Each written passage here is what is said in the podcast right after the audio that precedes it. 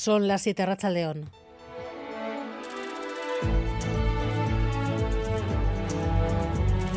Gambara con Arancha García. Las primeras bolitas de plástico del vertido de Galicia podrían haber llegado ya a la costa vasca. Asti está estudiando las muestras encontradas esta tarde en la playa de la Arena para ver si coinciden. Ander López de Arena, Rachaldeón. A Rachaldeón, Aranza. Tú has encontrado varias esta tarde en esa playa, en la playa de la Arena. ¿Cuántas había? ¿Cuántas son? Pues eh, justo salía de, surfear eh, y ha sido poner el, primer pie en la arena.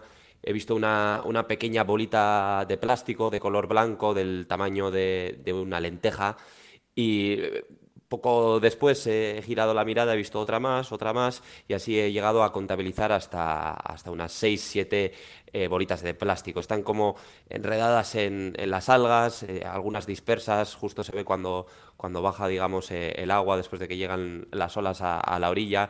pero en cualquier caso es importante remarcar que de, momento no son, o esto no tiene nada que ver a las imágenes que estamos viendo de Galicia. Unas poquitas las que has encontrado en la arena, no has encontrado ninguna en el agua. No, en el agua no. Eh, todas las que he contabilizado y las que he recogido ha sido en, la arena, justo en la, en la, orilla. Se están analizando ahora para ver si son las mismas que las de Galicia. Tú eres surfista. ¿Es habitual encontrar algo parecido en el agua, en la arena de nuestras playas? Pues eh, yo la verdad es que nunca había he visto plásticos en el mar, botellas, eh, de todo, pero este tipo de, bolitas no, he visto, pero sí es cierto, Aranza, que comentándolo con, las generaciones más, eh, más mayores de la playa, ellos sí que recuerdan años atrás haber encontrado eh, bueno, pues este tipo de materiales. No, evidentemente, las cantidades que, vemos en, las imágenes de, Galicia, pero sí que recuerdan, eh, bueno, pues 10 eh, años atrás o incluso algo más, haber, haber encontrado este tipo de, materiales en, la orilla. Ander López Lerenas, qué ricasco arte. Es que Suri. Bueno, pues a la espera de confirmar, por tanto, la procedencia de esas bolitas encontradas en la playa de la Arena, la más próxima a Cantabria, donde ya sí se ha confirmado la presencia de pellets del vertido en Galicia. El gobierno vasco ha activado el plan especial de emergencia. Si llegan, la prioridad, decía la consejera Arancha Tapia, es tratar de recoger el máximo posible en el mar eliminar el máximo de lo que pueda llegar a nuestra costa en alta mar, tal como se hizo en su momento con, eh, con el Prestige y con el Chapapote, con la dificultad de que en este caso el material tiene poca densidad, flota mucho, el viento lo mueve mucho y puede llegar a ser semitransparente, vamos a decir.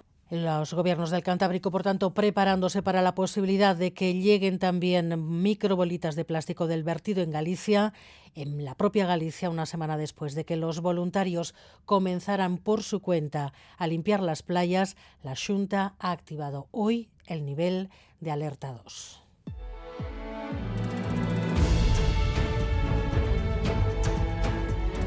Los servicios jurídicos del Gobierno vasco y del Navarro estudian si la imposición de las mascarillas que quiere poner en marcha mañana el Ministerio de Sanidad tiene encaje legal. El Ministerio alude a la ley de cohesión del Sistema Nacional de Salud para imponer ese uso de las mascarillas en hospitales y ambulatorios, un movimiento que distorsiona las relaciones con algunos de los socios de la legislatura al PNV Decía Antonio Ortúzar, no le gusta este TIC recentralizador. Nos preocupa y este gobierno depende de quienes pensamos justo lo contrario de lo que están haciendo. Así que ojo, ojo con este tipo de comportamientos. Esperemos que sea uno erróneo y no se vuelva a repetir. Aviso de Antonio Ortuzar a 24 horas del primer momento crítico para el gobierno Sánchez. En 24 horas Pedro Sánchez se juega su primera derrota en una votación en el Congreso con cuestiones clave, como por ejemplo todo el plan anticrisis, las rebajas, las ayudas. El acuerdo sobre los macrodecretos sigue sin llegar. Aviso de Ortuzar desde Bruselas, donde acompañaba el estreno de Imanol Paradales en Europa, una conferencia en el Parlamento Europeo del que será el candidato del PNV al Endacari Maya Portugal.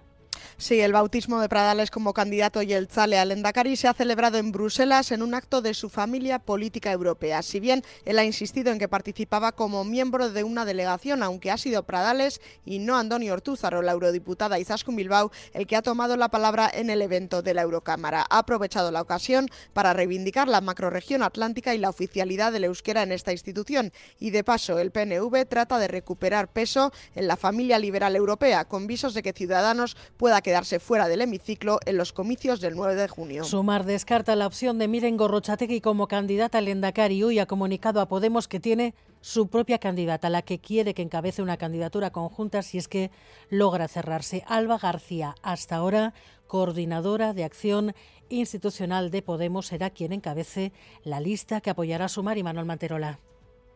Sí, Sumar apuesta por un perfil joven del 88, psicóloga de formación, trabajadora en el ámbito de la intervención social y además vinculada a Podemos Euskadi, porque Alba García ha sido hasta el momento coordinadora de acción institucional de la formación morada. Es la propuesta de sumar al resto de partidos del espacio El Carrequín, a Podemos, Esquerra Nitza y Equo como candidata al Endacari. Apuesta necesaria, dicen desde Sumar, en unas elecciones marcadas por la renovación generacional. De momento, Sumar y Podemos se encadenan un rosario de rupturas en el Congreso en Galicia habrá que comprobar si el hecho de que no coincidan de partida en el nombre de la candidata Lenda Cari puede anticipar también aquí una nueva fractura.